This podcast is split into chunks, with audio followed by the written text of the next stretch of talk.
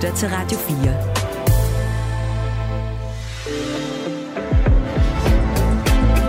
Velkommen til Mandat. Din vært er Katrine Eidel. Og jeg har taget flag og den her med i studiet i dag. Er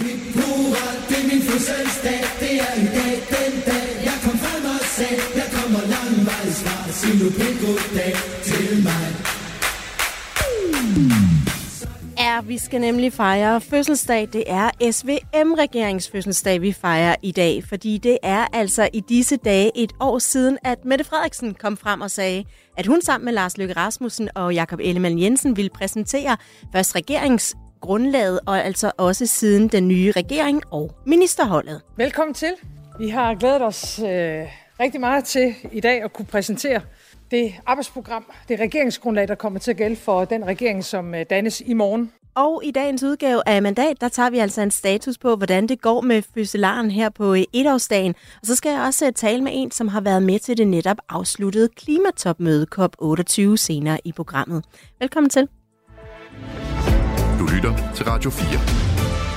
Det er altså et øh, år siden, at øh, Mette Frederiksen forlod Amalienborg og et møde ved dronningen, hvor hun havde meddelt, at nu kunne der dannes en ny regering. For snart øh, seks uger siden øh, fik jeg i opdrag at, øh, at afdække, om vi øh, kan danne en bred regering i Danmark, og jeg har her til aften meddelt hendes majestæt dronningen, at det kan vi.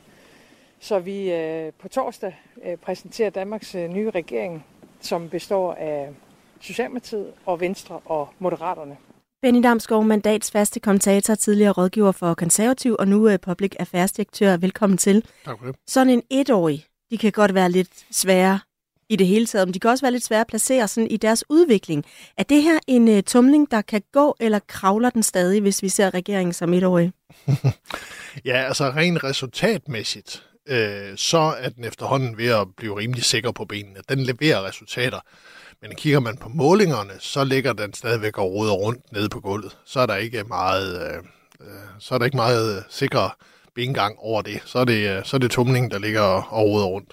Også velkommen til dig, Steffen Hjaltelin. Mange tak politiske rådgiver og kommentator og tidligere venstrerådgiver gennem rigtig mange år. Altså, øh, sådan nogle etårige, de er jo ikke bare usikre på benene, de er også nogle ustabile nogen, når det kommer til øh, nattesøvn og hvordan de lige får sovet. Hvis, øh, hvis SVM-regeringen var en regering, du rådgav, øh, vil du så sove godt om natten, eller vil det være noget uroligt? Ja, det vil være meget uroligt. Jeg vil vågne bedre ved. sved. det er en, ja, de står i en helt forfærdelig situation, både som øh, regering og som de øh, tre partier øh, individuelt. Så jeg vil sove virkelig, virkelig dårligt som, som rådgiver, og jeg tror, det der er særlig bekymrer, det er, hvad, hvad man kan nå at vende, inden det er for sent. Og inden vi så går videre til at tale om det her fødselsdagsbarn, så vil jeg godt lige bede jer om at øh, skrive en øh, karakter på papiret foran jer. Øh, og jeg, jeg bliver altså altid lidt forvirret over den her nye øh, 12-skala, og jeg tænker også, at 13-skalaen er lidt for bedaget trods alt, så vi siger fra 1 til 10. 10 er det bedste, 1 er det dårligste, og bare hold det for jer selv, fordi øh, så vender vi tilbage til det. Altså spørgsmålet er, hvordan I vil vurdere SVM-regeringen her på etårsdagen. Vi øh, vender tilbage til det senere i programmet, og øh, du derude, der lytter med, du er altså også velkommen til at byde ind på sms'en med en karakter fra 1 til 10, og gerne en begrundelse, og det kan du dele på 1424. Du lytter til Mandat på Radio 4. Okay, de her. Så lad os se på, hvordan regeringen så har klaret det øh, første år, og vi kan holde det op mod øh, regeringsgrundlaget, fordi det er jo sådan set det, regeringen har sagt. Det er det her, vi vil, det er det her, vi godt kunne tænke os at opnå. Selvfølgelig ikke på et år, men i hvert fald i løbet af en regeringsperiode. Der er for eksempel en øh, skattereform, hvor topskatten skal ned, der skal indføres en top-top-skat. Den er ikke vedtaget nu, men det forlyden, at den skulle komme i løbet af dagen. Så er der afskaffelse af en helligdag. Tjek. Undersøgelse af en FE-sag. Tjek. Højere løn til offentlige ansatte. Tjek. Steffen Hjaltelin, det går da meget godt med fluebenene. Ja, det gør det jo sådan set, øh, kan man sige. Jeg tror, det der gør, at, øh, at den store følelse alligevel både i befolkningen, og jeg tror også internt i, øh, i partierne i regeringen, det er skuffelse. fordi at forventningerne var anderledes og var større. Hvis vi prøver lige at spole tilbage til sommeren 2022, så var, så var, der faktisk, så var det faktisk en midterregering, som allerflest danskere vurderede ville være det bedste for Danmark. Øhm, og det faldt så undervejs, da det kom tættere på. Men det, der sker i praksis, det er, at folk tillægger det nye og ukendte øh, nogle positive kvaliteter, fordi man håber, det bliver. Og det har vi også set på, øh, på partier. Vi har set det med Alternativet, vi har set det med Ny Alliance, hvor man tænker, at det, som jeg gerne vil opfylde, det er garanteret det, de kommer til at stå for. og så har vi inde på midten, hvor vi ikke skal høre på enhedslisten, og vi ikke skal høre på rabiat højrefløj, så får vi noget, noget positivt, og erhvervslivet var positivt over for det.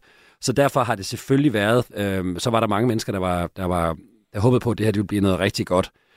Og så er det jo gået helt forfærdeligt i særdeleshed i meningsmålingerne, fordi du har ret i, at de har, de har de begyndte at, at implementere på regeringsgrundlaget, måske, måske i virkeligheden også fra den nemme ende. Altså, fordi de store ting, de udstår, det kommer vi givetvis tilbage til at tale om, men de helt store ting, som hedder en reel modernisering af den offentlige sektor, i stedet for bare at sende flere penge, øh, en reel klimaforandring, øh, det er nogle af de ting, der kommer til at, og, som, vi, som vi mangler.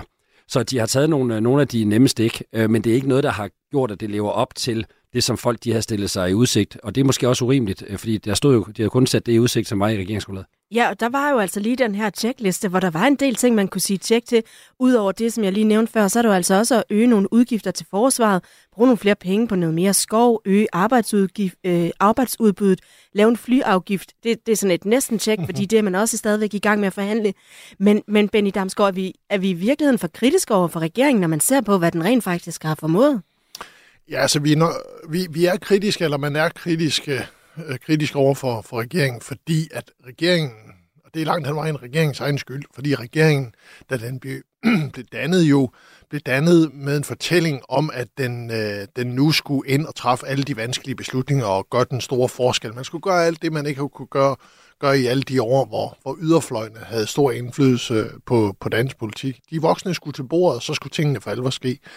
Problemet ved det var bare, at, og det kan man også få bekræftet, hvis man taler med regeringen selv, at da man så kom i gang, da regeringen blev dannet, så var man ikke ordentligt forberedt. Man havde lavet det her fine, store regeringsgrundlag, men man havde i bund og grund ikke tænkt voldsomt meget længere end det. Og det er der i og for sig en, en, en praktisk årsag til. Man havde lige ligget i valgkamp et halvt år, og så var der halvanden en måned, hvor man havde forhandlet mere eller mindre i døgndrift. Så da man så endelig fuldstændig skældret og træthed var færdig med det, og havde dannet en regering og skulle til at i gang med arbejde, så har man ikke gjort så ret mange overvejelser om, hvordan og hvorledes man så skulle implementere tingene, og man løb direkte ind i hele det her problem i afskaffelsen af Stor Bededag.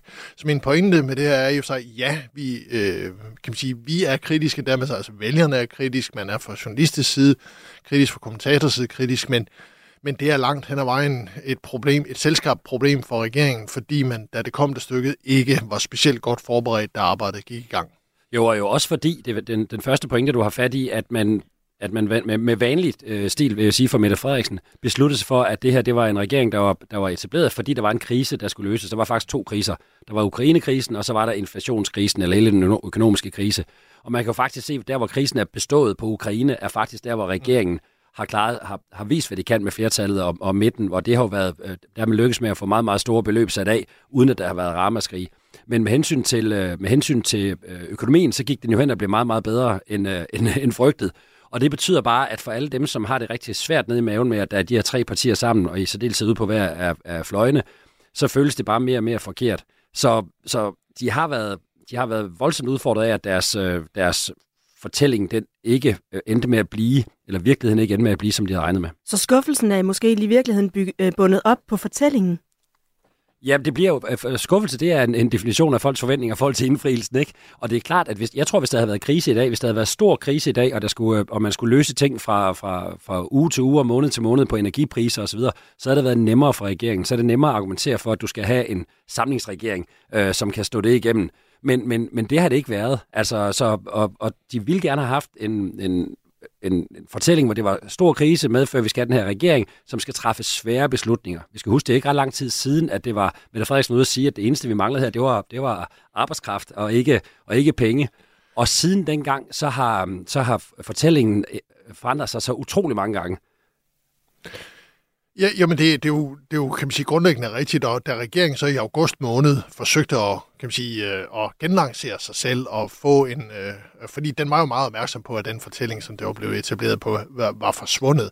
Så tog man på busturné i hele landet, hvor man skulle ud og fortælle danskerne, at, hvor godt man ens, øh, hvor, hvor godt de her tre partiledere kunne lide hinanden. Men der var jo ikke rigtig noget politik koblet på. Der var ikke noget politisk projekt, om man, om man vil koblet på. Så, så, så selvom man har, forsøgt at genstarte kan man sige, øh, baggrunden og give i bund og grund en forklaring på, hvorfor vi har den her meget historisk usædvanlige regeringskonstruktion, så er, det, så er det endnu ikke lykkedes. Nu er man så begyndt at, indf- øh, kan man sige, at levere politiske resultater.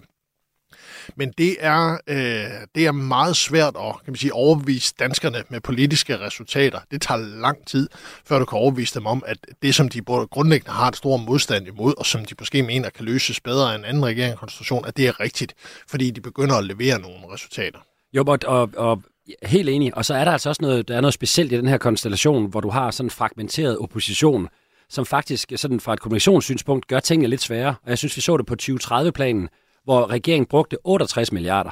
Og hvis du går ud og spørger øh, øh befolkningen, 68 milliarder, det er virkelig mange penge, hvad de blev brugt på, så er der simpelthen ikke nogen, der kan huske det. Altså fordi det er, der var ikke rigtig noget modstand mod det. De blev fordelt sådan 50-50 på noget forsvar, der er bred enighed om, og så på et løft af den offentlige sektor på 32 milliarder, hvis jeg husker rigtigt som der heller ikke rigtig var noget modstand mod. Og jeg kan altså huske valgkampe, hvor vi har brugt en hel valgkamp på at diskutere, om det skulle være 0,4, 0,6 eller 0,8. Folk har ingen idé, fordi det er en fragmenteret modstand. Og vi ser det samme på, på skatteudspillet her, hvor modstanden fra den ene side siger, at det er for meget, og fra den anden side, det er for lidt. Så siger regeringen, der kan jeg selv se, det er derfor, vi skal være lige i midten. Det kommer de til at sige på presmødet helt, helt sikkert.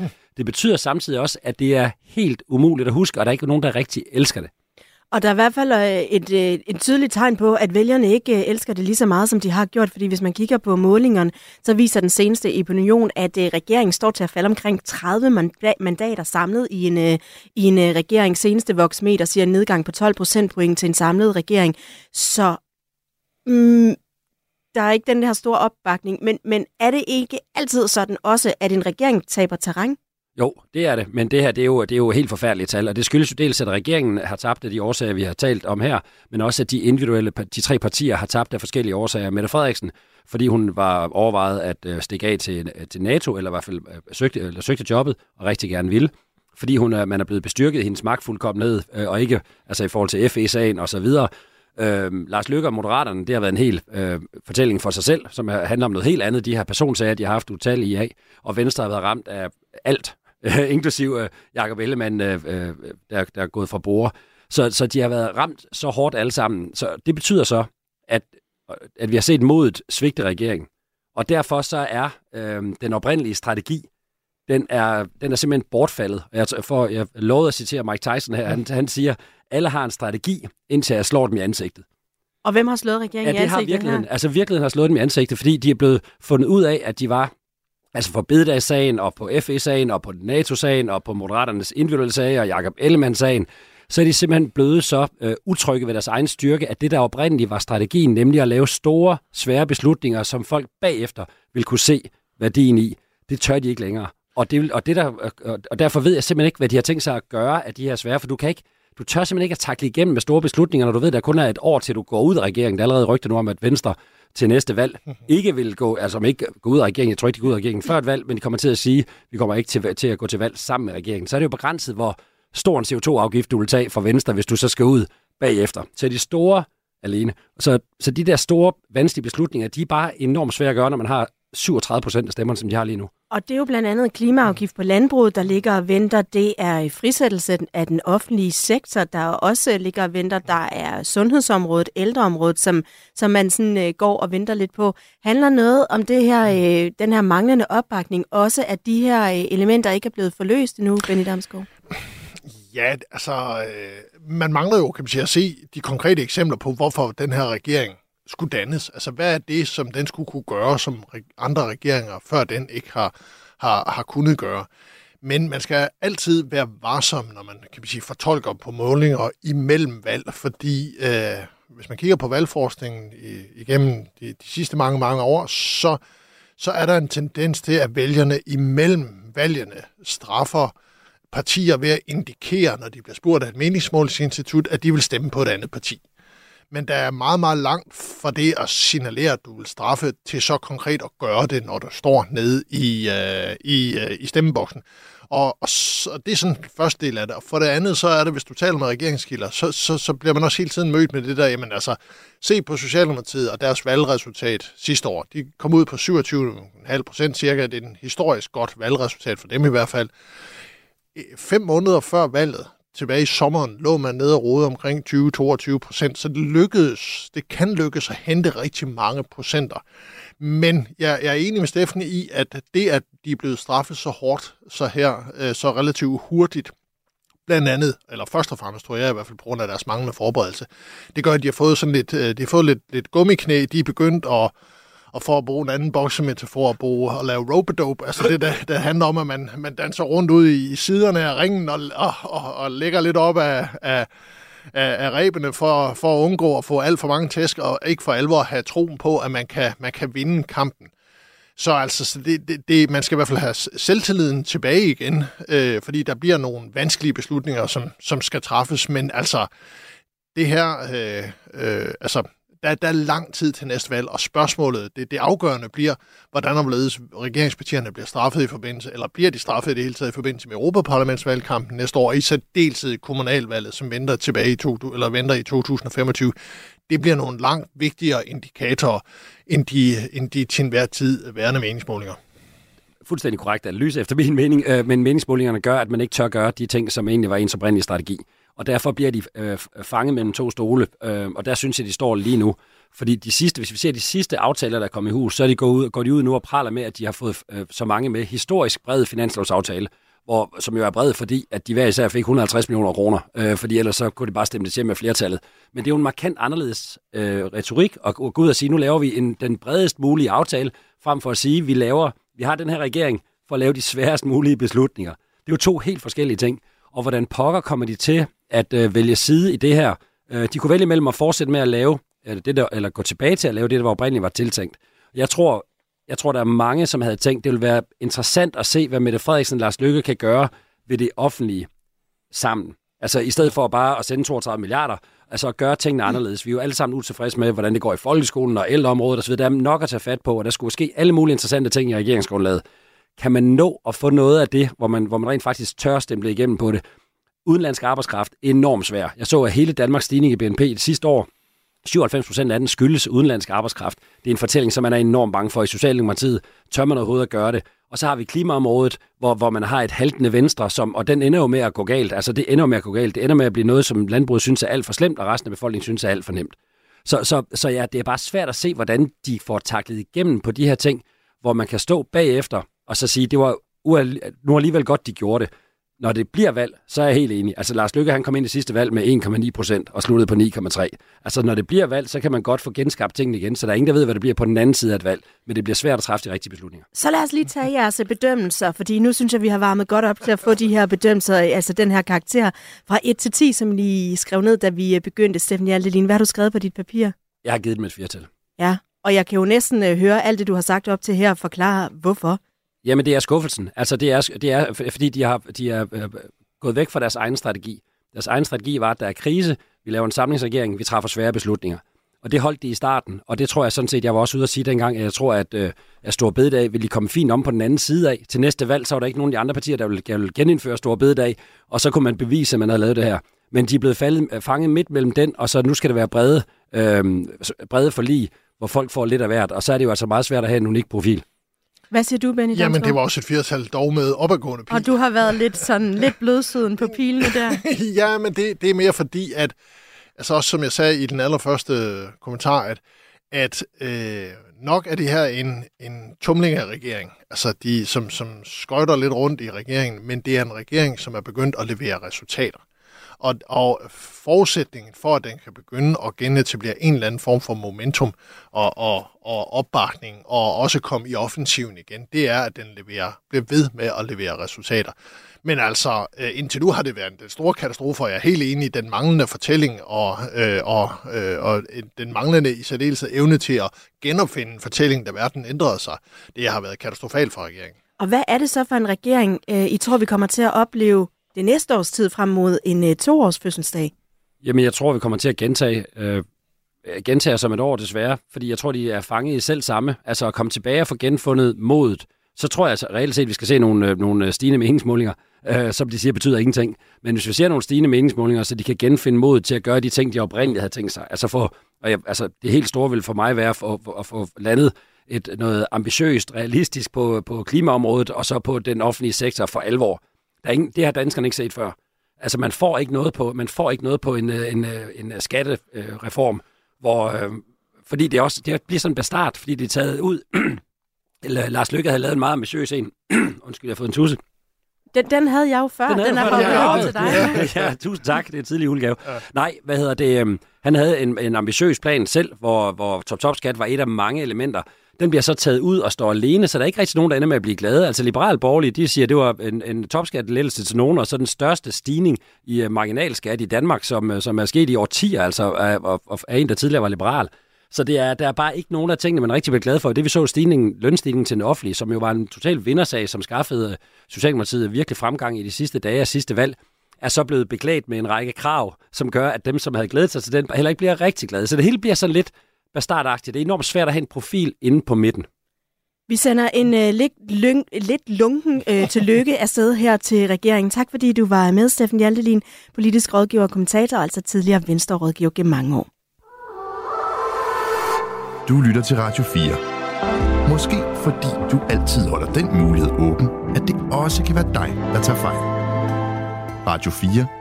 Ikke så forudsigelig. Ja, regeringen kunne måske godt ønske sig nogle lidt bedre meningsmålinger i fødselsdagsgave, for alle tre regeringspartier har altså tabt vælgere siden valget sidste år. Men så er der jo nogle andre partier i Folketinget, hvor kurven går den helt anden vej. Det gælder blandt andre for øh, Liberal Alliance og for Danmarksdemokraterne, og så er der SF.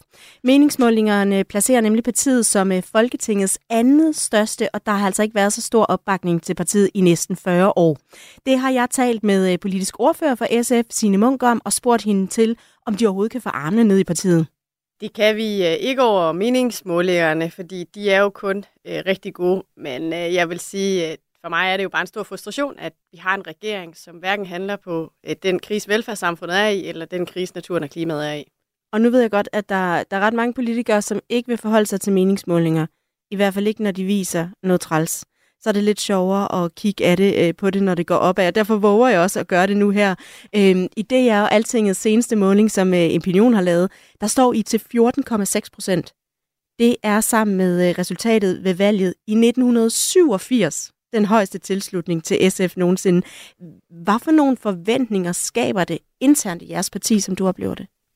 Jamen, det skaber jo den forventning, at, at vi bruger selvfølgelig de mandater, vi har i Folketinget, øh, til at få noget politik igennem, også når vi er i opposition, men jo selvfølgelig også, at, øh, at den her opbakning, vi har i befolkningen, som jo er øh, øh, historisk høj, at øh, vi også bruger den til at få, no, få noget indflydelse. Hvordan bruger man sådan en opbakning, som ikke kan tælles i mandater? Øh, jeg i hvert fald sige, når jeg selv skal ind og jeg forhandle en politisk aftale øh, med regeringen, så øh, kan jeg øh, stå stærkere øh, i den forhandling, også selvom vi har en flertalsregering. Og jeg synes, jeg kan se det i en del af de aftaler, hvor vi sætter hårdt mod hårdt. Blandt andet øh, det klimamål, vi har i 2025, øh, hvor vi har hældt regeringsforslag øh, af brættet, og nu er de i vildrede. Jeg synes også, det gælder den uddannelsesaftale. Vi havde en stor omlægning om med regeringen øh, i foråret, hvor den jo grundlæggende blev forandret efter SF og Liberal Alliance og Konservativ havde lagt arm med dem. Så, øh, så det giver øh, nogle flere muskler i forhandlingsrummet, og det er jo vigtigt for sådan en type som jeg er, så det parti SF er. Fordi selvom vi er i opposition, og helst vil have, at regeringen den øh, falder sammen i morgen, så imens den er her, så bruger vi jo også vores mandater til at få noget indflydelse, fordi det er bare sådan, SF er. Men hvad betyder det for, for de regeringsstrømme, der måtte være i partiet, at, øh, at meningsmålingerne ser sådan her ud?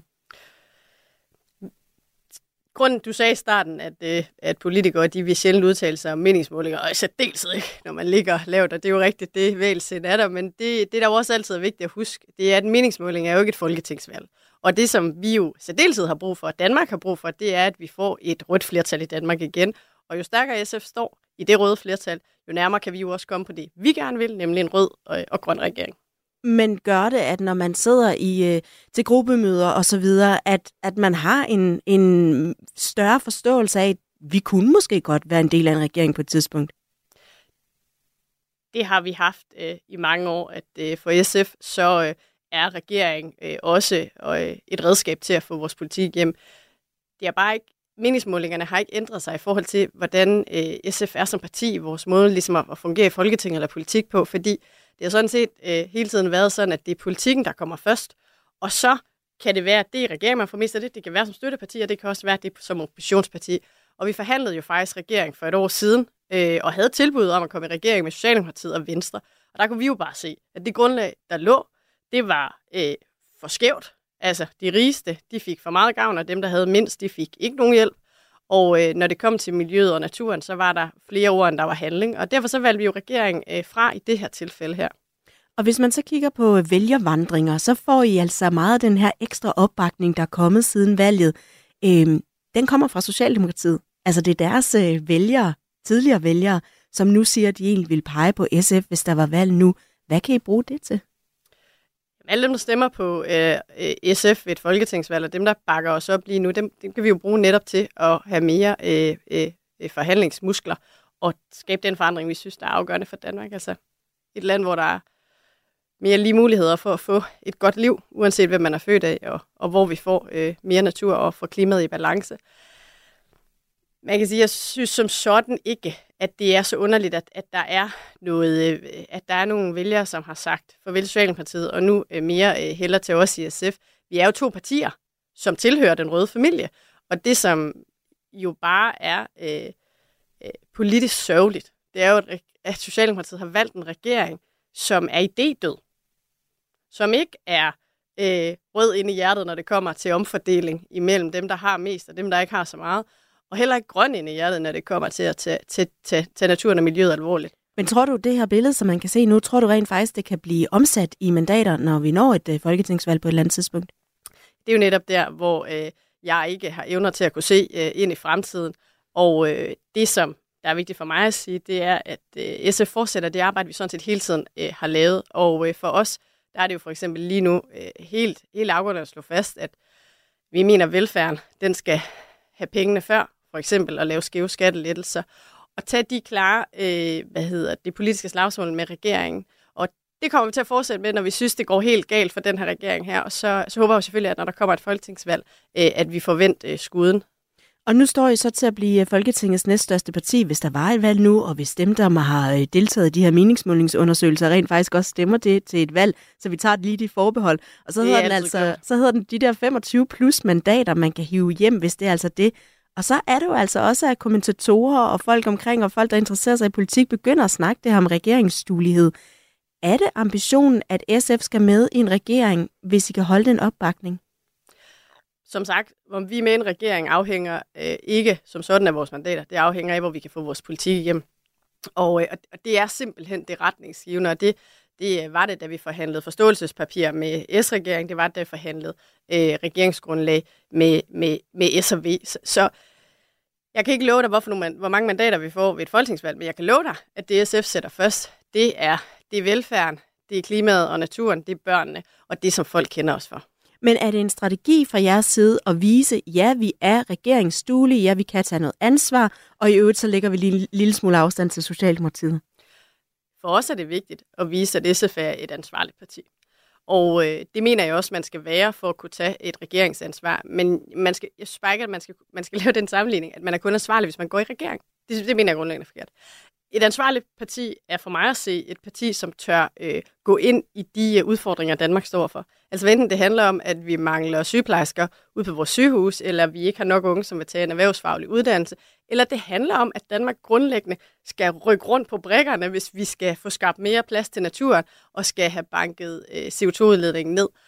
Så det er det, jeg forstår ved et ansvarligt parti. Og jeg synes egentlig bare, at man skal passe på med at sige, at man er kun ansvarlig, hvis man går i regering øh, fordi man kan sagtens være en ansvarlig oppositionsparti, og det synes jeg jo egentlig også, SF viser lige nu ved både at øh, sætte foden klart ned over for regeringen, at de vil bruge øh, pengene på skæve skattelæser frem for velfærd, men samtidig så indgår vi jo også nogle aftaler med regeringen, når vi kan se, at vi kan, vi kan rykke noget, noget vigtigt. I har blandt andet for nylig lavet en aftale om øh, FE-sagen, altså en øh, undersøgelse af FE-sagen, hvor at, øh, i blev ret kritiseret af resten af oppositionen i forhold til at indgå den her aftale med regeringen. Der har endda været øh, partier, der mener, at de solgte jeres principper for fremtidig udsigt til ministerbiler. Hvad var det, der skete? Ja, jeg synes, den der analyse fra, fra nogle partier øh, øh på den blå side af, af Folketingets midte der og ministerbiler, øh, det lyder som om, det er mangel på bedre argumenter.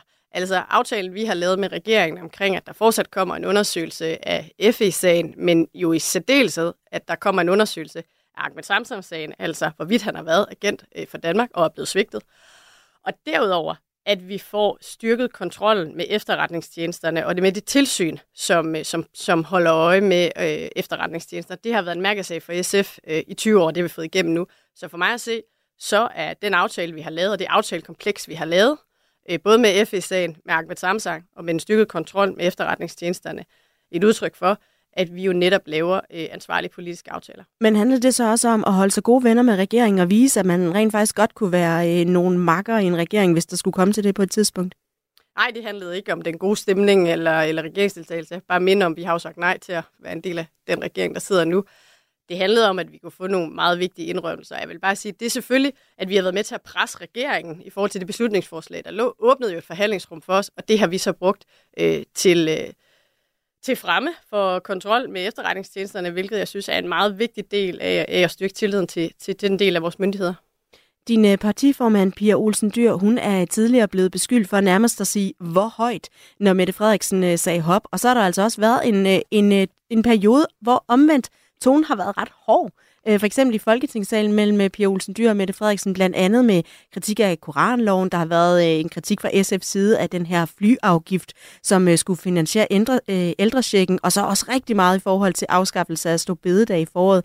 Og det ultimatum, regeringen også gav om deltagelse i forsvarsforliget, som altså krævede en stemme for farvel til Storbededag.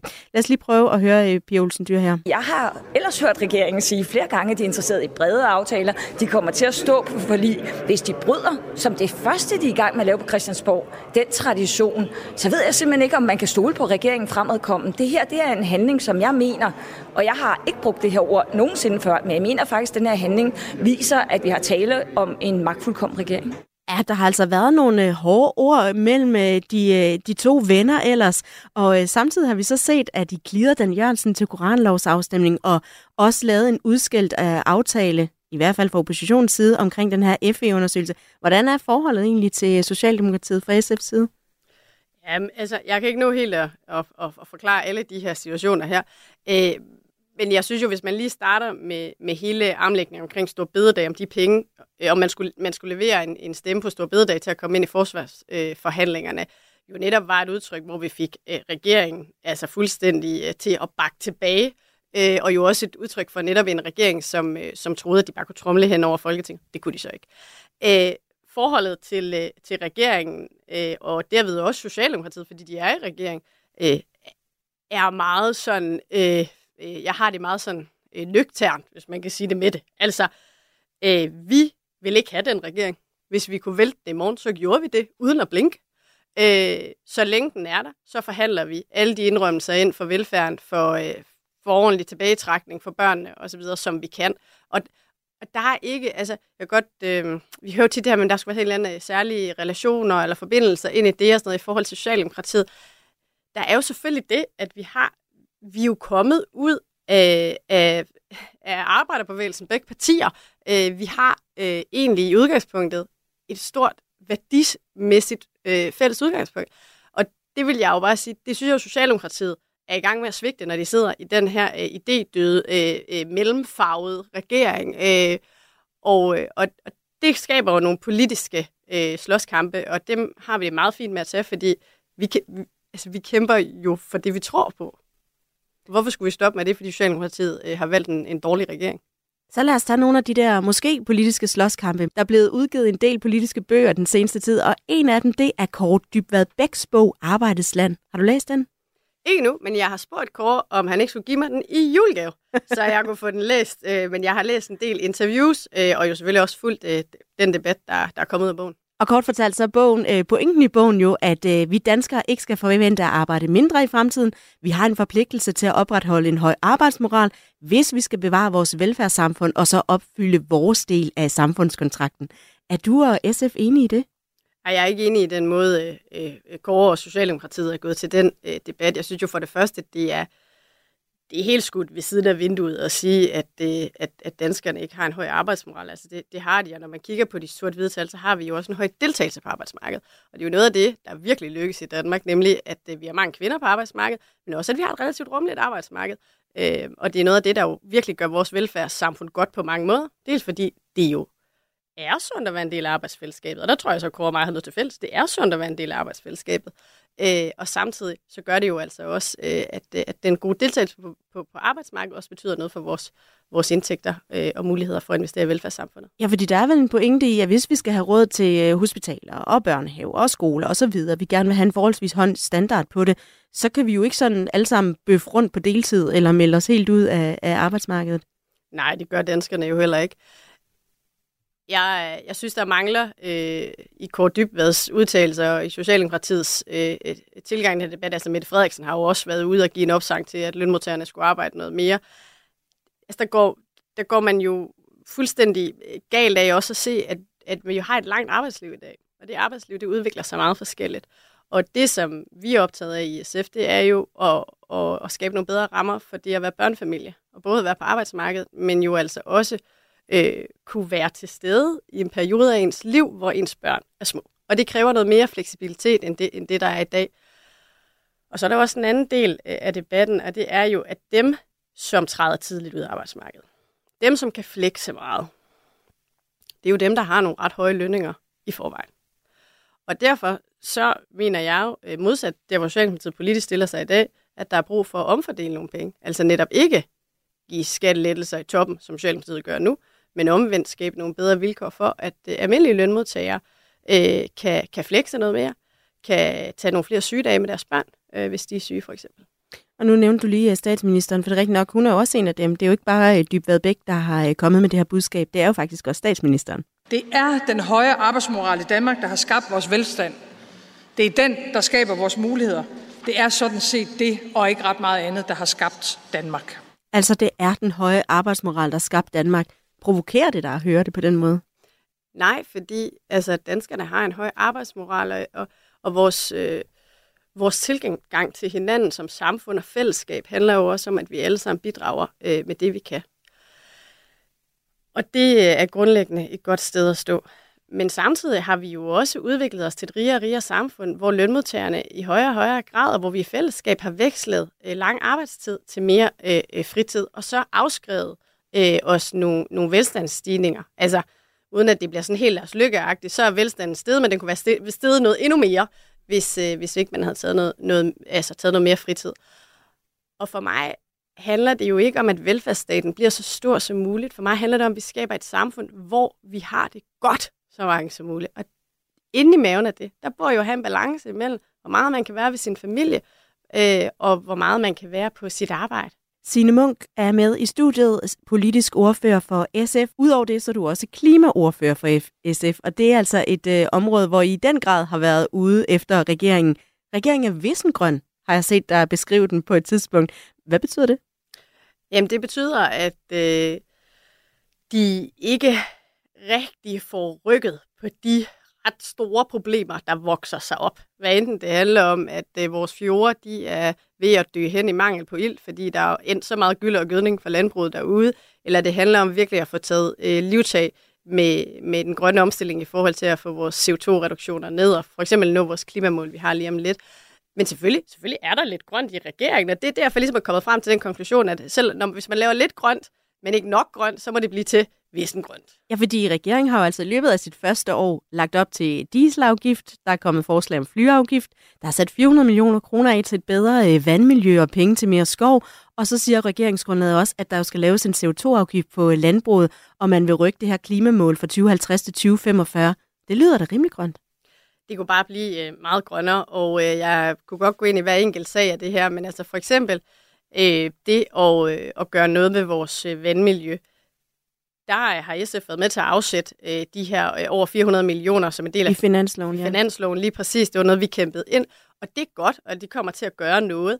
Men øh, det kan bare ikke stå alene. Altså, der skal øh, flere krav til landmændene om, hvor meget gyld og gødning de hælder ud på marker, markerne til. Og, og det der jo bare er helt tydeligt for mig, det er, når Socialdemokratiet er gået i regering med Venstre, som i alt den tid, jeg har forhandlet miljø- og klimaaftaler med Venstre, har været på landmændenes side så er det jo netop der, hvor det ikke handler om at bruge skatteydernes penge til at kompensere landbruget, at problemerne er, nej, det er der, hvor landmændene selv skal til at betale. Jeg bliver bare nødt til at sige, at vi har brug for at få en balance i, hvordan vi behandler dansk øh, landbrug. De skal til at betale for deres forurening selv.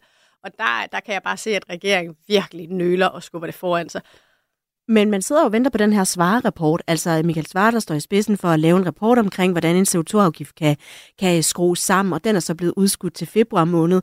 Er det så ikke også lidt, øh, hvad skal man sige, præmaturt, hvis man skulle gå i gang med at lave alt muligt nu, før man har fået rapporten? Nej, det synes jeg ikke. Hvorfor ikke? Jamen, fordi vi kan sagtens handle, øh, mens vi også venter på den store svarerapport. Det er fordi, man ligesom skal forstå, at det svar skal levere et svar på. Det er sådan en, en meget kompleks model for, hvordan vi skal lave en CO2-afgift for landbrug, og det er sådan set meget godt, at vi har sat ham og andre kloge folk i spidsen for det. Men der er mere simple ting, man godt kan gøre ind. Altså for eksempel de her meget CO2-tunge øh, landbrugsjord, som ligger lavt, som vi kalder en lavbundsjord, de er vildt forurenende for klimaet. Øh, dem kan man rimelig simpelt presse på for mere udtag ved at lægge en afgift på at dyrke dem. Altså det, det behøver man ikke have en svarkommission til. Man kan også sætte den kvote ned, som landmændene må bruge på at hælde gylde og gødning ud på marken. Det er noget, vi har gjort før, men det er blevet pillet væk politisk på grund af partier, der var imod det, for eksempel Venstre. Men skal man så begynde at lave afgifter og hister her og her og der, inden man har det store samlede billede, synes du? Ja, hellere det, frem for at tøve, som der bliver gjort nu. Altså, man skal jo bare gøre sig helt bevidst om, at det er klimaet og naturen og havmiljøet, der taber, mens der bliver tøvet politisk. Og det er jo altså ret tydeligt. Altså se på vores fjorde her fra i sommer. Nu, nu bor jeg selv ud til Limfjorden. Bare sige, at den dør øh, mere og mere år for år. Hvis man ser på, hvordan vores klimaregnskab ser ud, så står det bumstil med reduktioner i landbruget. Så jeg vil bare sige, at jeg vælger klart klimaet øh, og naturen frem, frem for øh, at tøve. Regeringen gør så det modsatte. Klimaministeren har sagt til Jyllandsposten, prøv at høre, vi skulle faktisk lige ordne en finanslov. Der var det her store lønløft til offentlige ansatte, og nu er vi også i gang med at forhandle en skatteaftale. Man kan vel ikke det hele på en gang, Signe Munk? De kan da bare droppe skatteaftalen, hvis jeg skulle give dem et råd, eller være med at bruge 10 milliarder på at lette skat, mest for dem, der har meget i forvejen. Og derudover, så er det jo rent nok, man kan ikke gøre 10 milliarder ting på én gang, men man kan jo prioritere, hvad man synes, der er vigtigst. Og det der, det er jo bare en dårlig undskyldning for ikke at få prioriteret øh, klimaet og miljøet højt nok. Hvad bliver så det vigtigste for SF at sætte pol- øh, politisk fokus på i det nye år? Det bliver øh, altså en regulering af landbruget, så vi får en bedre balance mellem, hvordan vi passer på vores øh, vandmiljø, på vores klima og vores natur, i forhold til, hvor meget øh, landbruget øh, kan forurene. Tak for besøget, Signe Munk, altså politisk ordfører hos SF og også klimaordfører. Radio 4. Ikke så forudsigeligt. Det store internationale klimatopmøde COP28 sluttede i går, og det blev med en øh, aftale, som af flere er blevet kaldt historisk. It is so decided. Ja, sådan lød det altså i Dubai, da topmødets formand Sultan Al-Jaber kunne øh, lukke to ugers intense forhandlinger med en øh, aftale i overtid. Og en af dem, der øh, rent faktisk har været i Dubai den seneste uge for at deltage i klimatopmødet, det er Teresa Scavenius, løsgænger i Folketinget. Velkommen til. Tak skal du have. Hvordan foregår det ved sådan et øh, klimatopmøde, når man kommer som et dansk medlem af Folketinget? Altså, hvad laver man? Ja, der laver man ikke særlig meget faktisk. Øh, det viser sig, at der er man på øh, virksomhedsbesøg, og man laver også har forskellige møder med en ambassadør og også med nogle aktivister. Men vi laver ikke noget, der sådan er relevant for selve øh, forhandlingerne til COP-mødet. Det var en ret stor overraskelse for mig, da jeg kom derned. Ja, jeg skulle lige til at sige, når du har brugt en uge, der havde du regnet ja, med rent faktisk at komme i spil på en måde? Øh, nej, altså må indrømme, nogle gange ved man heller ikke helt, hvad man går ned til. Jeg har ikke konkret, jeg har ikke deltaget i møderne før. Øh, men det, der var en overraskelse for mig, det var, at jeg kunne se, at øh, vi havde en minister, som aflyste flere møder med os, øh, og ikke inddrog os i processen, men at han til gengæld inddrog andre, blandt andet netop øh, en hel masse virksomheder, som han øh, omgikkes med. Så, så det, jeg lige pludselig kunne se dernede, det var, at øh, den måde, den danske regering håndterer eller kommer til kopmødet på, det er, at det er en delegation, hvor at ministeren har alle sine embedsmænd med, og så har de så øh, øh, deres øh, forskellige lobbyister og virksomheder med, og det er så den delegation, der ligesom står for at øh, finde øh, dans, den danske position. Og så ved siden af det, så kommer vi så ned som folketingsmedlemmer, øh, og er mere sådan nogen, der er lidt ligesom kronprinseparet, skal rundt og hilse på og se pænt ud og deltage i nogle receptioner, men ikke lave noget reelt politisk arbejde. Øh, ja. Hvad har du så lavet? Jamen, så har jeg så deltaget i nogle af de ting i de møder, og man kan jo sige, at mange af de møder er jo også fine i sig selv, så det er jo ikke fordi, at der ikke var et meningsfuldt program, man kunne deltage i. Det har bare ikke handlet om selve kopmøderne øh, og kopmødet, og det er jo ligesom det, jeg synes, der er den relevante kritik at rejse.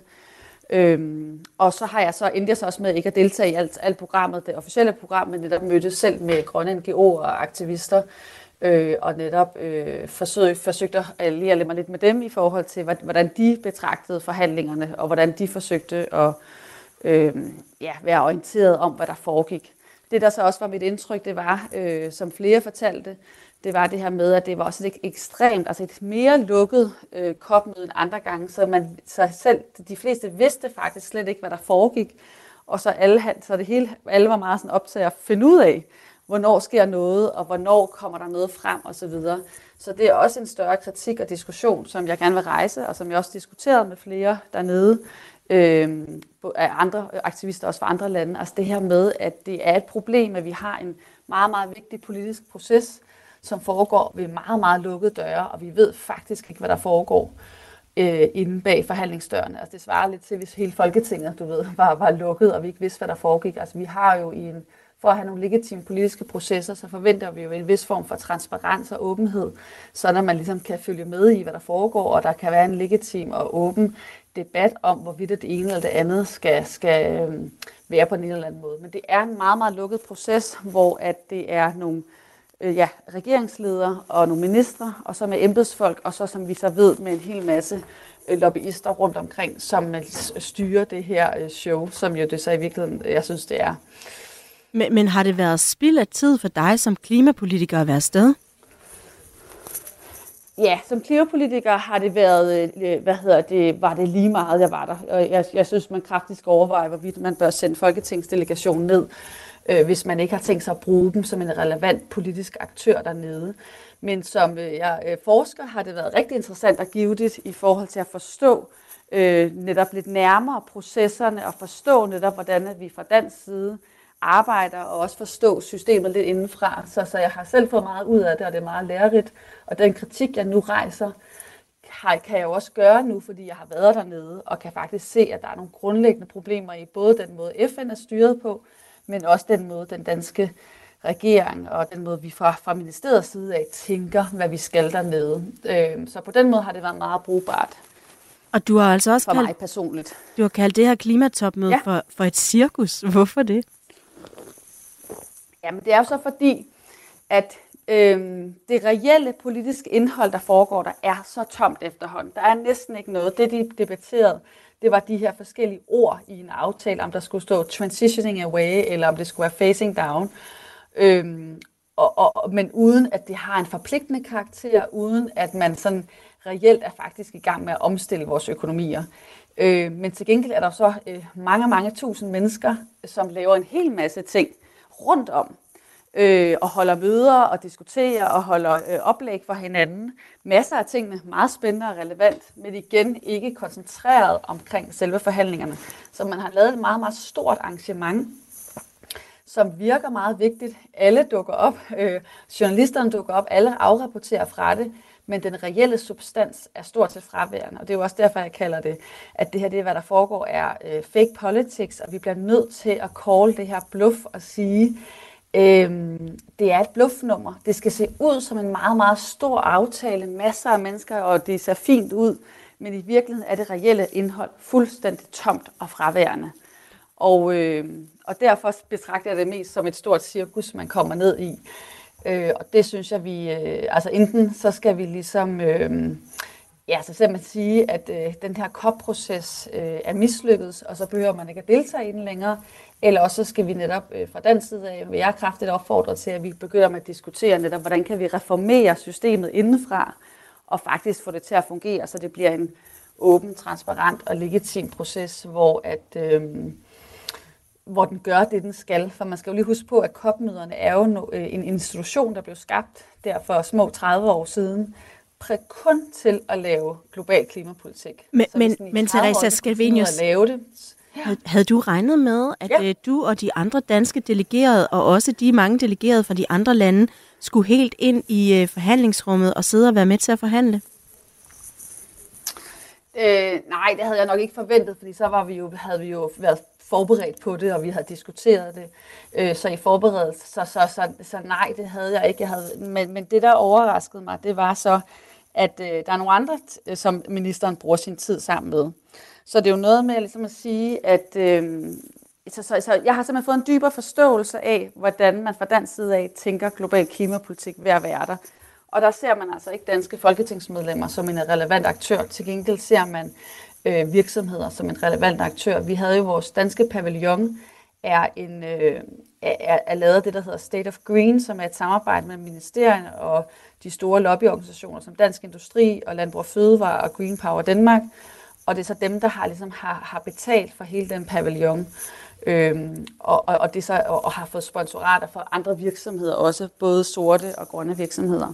Så, så, så det er en, en meget erhvervsbaseret delegation, vi har haft, som har siddet på sådan selve indholdet. Og det, det, altså jeg har jo godt, jeg har jo kritiseret i lang tid lobbyisme, og jeg har kritiseret i lang tid erhvervsorienteret klimapolitik.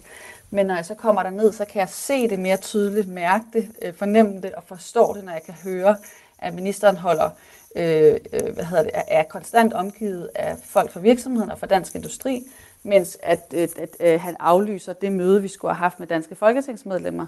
Og når vi så endelig har det, så er det et meget, meget overfladisk møde, øh, som ikke rigtig har nogen substans i sig. Så, så øh, ja, så, så, så en blanding af, øh, for at svare sådan par lige opsummerende på dit spørgsmål, at, øh, at, at, at, ja, altså, at øh, jeg, bliver, jeg er bare simpelthen blevet klogere på, hvordan man tænker øh, fra ministeriet som i regeringsside i forhold til global klimapolitik hver værter. Og noget af det vidste jeg godt i forvejen, og noget af det har jeg så fået en dybere forståelse af hver værter. Så hvad er det for en følelse, du forlod øh, Dubai med, efter at have brugt en øh, lille uges tid til COP28? Ja, altså det er den her dybe frustration over, at, øh, at vi har en verden, der, hvor den tunge magt, den sidder i oliestaterne. Det er de her petrostater, øh, og, øh, og at der er en meget, meget tung kommersiel vægtning og national interesse i, at der ikke bliver lavet klimapolitik. Og, øh, og det sker der, fordi at regeringer ikke ønsker det. Det har vi så for eksempel for Danmark også. Vi er jo også et olieproducerende land, som ikke ønsker at stoppe, udfase, eller at stoppe med at ekspandere vores olieproduktion. Det gør vi stadigvæk. Øh, og i det hele taget, hele vores fossile økonomi bliver vi ved med at ekspandere. Øh, sig selv os, der herhjemme, øh, er jo heller ikke i gang med en, en, en grøn omstilling.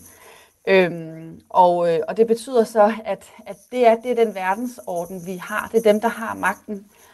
Og, det, der, det, det, og det, det vidste vi jo godt, eller det vidste jeg også godt i forvejen, men det er der så bare tydeligt, og det, er igen, det bliver en gentagelse af, at de så, øh, altså hvor at der var mange, der var, vi havde et 10, øh, som handler om det her med øhm, klimaskepticisme, som dominerede global klimapolitik, hvor man skulle kæmpe imod overhovedet at snakke om, at det var relevant at lave en aftale. Nu har alle de her petrostater og lobbyister og sorte virksomheder opgivet at være klimabenægtere, øh, og nu er de til gengæld over i at sige, at de vil gerne lave klimapolitik, men, men det så sker i den her øh, greenwashing, øh, slogansagtige måde, hvor man blot siger det, hvor man blot siger nogle ord, men hvor man så reelt har skrevet ind, at, eller hvor det så i, fakt, i realiteten ikke har nogen hverken bindende karakter, der er ikke noget konkret i det, det er blot løse hensigtserklæringer. Og så kan jeg bare lige gentage minde om, at det er noget, vi har set øh, de sidste mange år, er det det, der har foregået til alle møderne. Så der er sådan set ikke noget nyt i det, at man får et tomt dokument, som øh, bliver blæst op til at være, nu hørte jeg din introduktion, du også siger historisk. Mm, det kan der være øh, lidt det diskussion om. Jamen det er jo det, der, der er gået inflation i ordet historisk. Jeg tror, vi meget tit har historiske aftaler lige i øjeblikket, men der sker ikke rigtig noget. Og det er jo fordi, at hvis man slår historisk op i den her øh, fake politics politik ordbog, der betyder det noget i retning af, at øh, det er et ord, du kan bruge om alting. Øh, mange vil komme til at interessere dig for det og lyde og omtale det rosende, men i virkeligheden kan du bare fortsætte business as usual. Tak, fordi øh. du var med, Teresa Scavenius, medlem af Folketinget ja. øh, uden for parti, og altså deltager i det afsluttende COP28. Du lytter til Mandat på Radio 4. Benny Damsgaard, vi skal til at runde af, og øh, mens vi øh, er i gang med at øh, sende det her program, så kan vi jo altså øh, måske høre nogle rygter om, at der er en skatteaftale på vej. Jeg går ud fra, at det er noget af det, du vil komme til at holde øje med her i løbet af den næste uges tid. Ja, det bliver den sidste store aftale, der skal lukkes inden jul, så, så det, øh, det kommer højt på radaren, ja. Og man kan sige, at det der er rygterne, det er, at det bliver uden øh, Dansk Folkeparti, det bliver uden SF og Liberal Alliance. De har allerede øh, øh, forladt forhandlingerne. Hvad kommer du til at, øh, at bide mærke i ved den her aftale? Ja, man selvfølgelig altid mærke i, hvem der er, er med, og hvad prisen for, for de forskellige har, har været. Det plejer de i hvert fald at gøre en stor øh, indsats for at, at kommunikere. Og så er jo også, altså, hvordan og hvorledes øh, regeringen selv i tale sætter det her. Der er jo tale om et kompromis internt i, i regeringen mellem forskellige rettede interesser. Hvor meget lægger Venstre vægt på det her? Fordi det er trods alt Venstres store kan man sige, øh, øh, appelsin i turbanen, at der i det hele taget kom en skatteaftale. Vi holder øje. Tak for i dag, Benny Damsgaard. Også tak til dagens gæster, Signe Munk fra SF, Teresa Scavenius, løsgænger i Folketinget og Steffen Hjaltelin, politisk rådgiver. Jeg hedder Katrine Ejdum. Vi lyttes ved. Du lytter. Du har lyttet til en podcast fra Radio 4. Find flere episoder i vores app, eller der, hvor du lytter til podcast. Radio 4. Ikke så forudsigeligt.